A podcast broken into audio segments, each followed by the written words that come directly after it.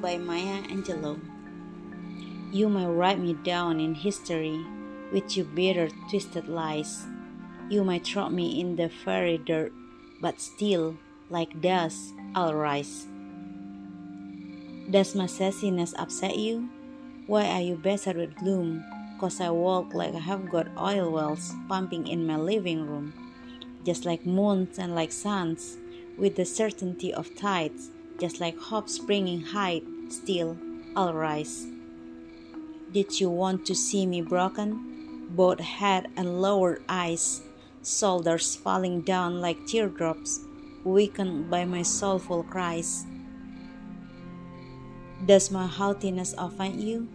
Don't you take it awful hard, cause I laugh like I have got gold mines digging in my own backyard. You might shoot me with your words, you might cut me with your eyes, you might kill me with your hatefulness, but still, like air, I'll rise. Does my sexiness upset you?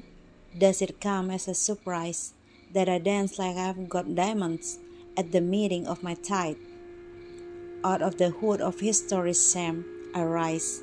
Up from a past that roots in pain, I rise. I'm a black ocean, leaping and wide.